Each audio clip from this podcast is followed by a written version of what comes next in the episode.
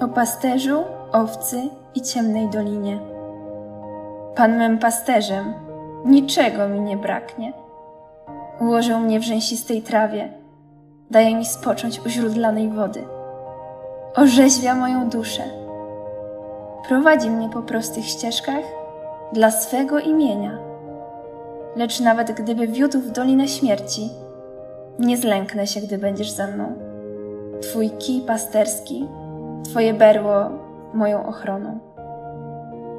Tak wymownie, a zarazem subtelnie brzmiał przekład Psalmu 23, który świętej pamięci Krzysztof Krawczyk śpiewał Janowi Pawłowi II. Do pasterza przychodzą celnicy, grzesznicy i trędowaci. Największy margines społeczny. Jezus, przebywając z niechcianymi, łamie stereotypy, mówiąc: Nie potrzebują lekarza zdrowi, ale ci, co się źle mają. Czas teraźniejszy nie jest tutaj użyty przez przypadek. I opowiada przypowieść. Któż z was, gdy ma sto owiec, a zgubi jedną z nich, nie zostawia dziewięćdziesięciu dziewięciu na pustyni i nie idzie za zagubioną, aż ją znajdzie? A gdy ją znajdzie, bierze z radością na ramiona i wraca do domu. Sprasza przyjaciół i sąsiadów i mówi im: Cieszcie się ze mną, bo znalazłem owcę, która mi zginęła. Powiadam wam, tak samo w niebie większa będzie radość z jednego grzesznika, który się nawraca, niż z dziewięćdziesięciu dziewięciu sprawiedliwych, którzy nie potrzebują nawrócenia. Co robi dobry pasterz? Nie czeka, nie kalkuluje, a idzie szukać tej jednej. Mimo, że prawie cały stado znajduje się przy nim. No, opłacalne, polemizowałabym. Wydawałoby się, że opieka nad tym, co pewne, stałe i liczniejsze, powinna być dla niego ważniejsza niż gonitwa za owcą, która nawet odnaleziona, no to nie wiadomo, czy będzie chciała powrócić do pasterza. Ale kiedy już ją znajduje, cieszy się z niej bardziej niż ze wszystkich pozostałych 99. Nie gani za samowolę, za brak roztropności, nie upomina nawet za to, że odłączyła się od stada. No a przecież mógłby. Nie ma znaczenia powód, dla którego owca zaginęła. Tak często oceniamy innych.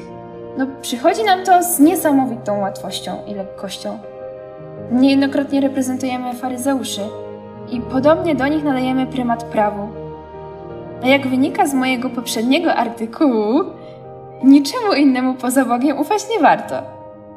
Tymczasem nawet najgorszy winowajca może kiedyś stać się bardziej święty od ciebie. Pamiętaj, role niezwykle szybko mogą się obrócić. Będziesz zadziwiony.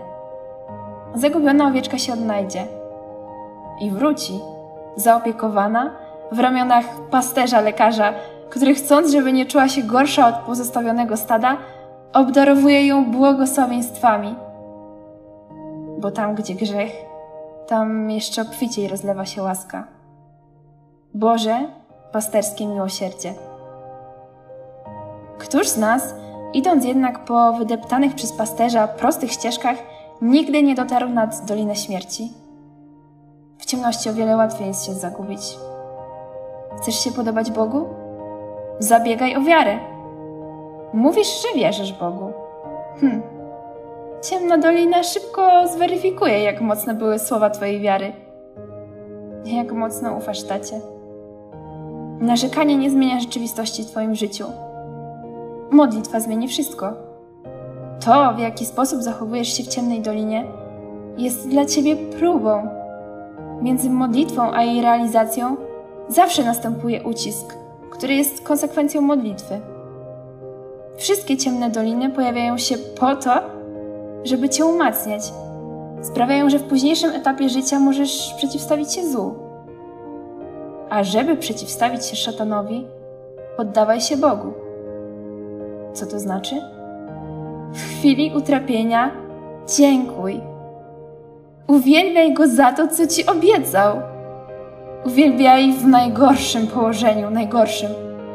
Czyż wiara nie polega na pewności obietnic złożonych przez wiernego Boga? Na całkowitym przekonaniu o tym, że przejście przez ciemną dolinę potrafi być niejednokrotnie skrótem do nieba? Często nie widzisz namacalnych efektów Twojego wołania do Boga. Zaczynasz wątpić, że, że Bóg wysłucha. Czy możesz wtedy powiedzieć, że wciąż wierzysz? To Twoje uwielbianie Boga jest gwarantem, że wierzysz w to, co Ci obiecał. Wiara jest nadzieją. Tymczasem okoliczności wcale nie muszą mieć wpływu na to, jak się czujesz. Ale postawa serca, owszem.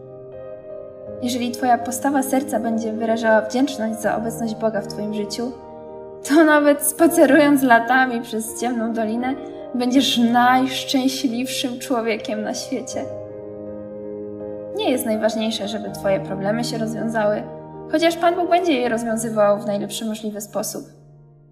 Najważniejsze, żeby w Dolinie Śmierci być z Jezusem w sercu, z pasterzem. Obecność Boga powoduje, że Twój krzyż nie waży, serio, leciutki, a jarzmo jest słodkie, a brzemię lekkie.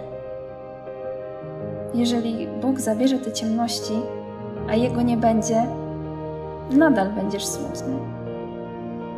Pasterz czeka, aż owca porzuci grzech i zechce z nim powrócić do domu. Zabiera ją wtedy, aby dać jej ziemskie dobra. I wówczas działa. Więcej, nawet musi działać. Czekasz, owca zawoła. Nie będę grzeszyć, bo chcę, żeby Twoje obietnice wypełniły się w moim życiu. Nie boję się tych problemów. Nie boję się odrzucenia, wyśmiania. Chcę, żebyś ze mną był, Panie. Tego chce Bóg. Chce być kochany. A ta Twoja pewność, ta radość porazi wszystkie, wszystkie demony smutku i demony depresji. Odnalezienie się owcy jest możliwe przy całkowitym otwarciu się na Bożą wolę, więc przyjęciu jej nawet w chorobie, w ciemnej dolinie. Potrzebne jest zdanie się na tę wolę i poddanie swego stanu woli Boga. Przyjęcie w sercu choroby czy bolesnego stanu rzeczy i przyjęcie również uzdrowienia. Kiedy serce otwiera się na całkowite przyjęcie woli Bożej, niezależnie od tego, jaka jest, strumień łaski zaczyna swobodnie płynąć.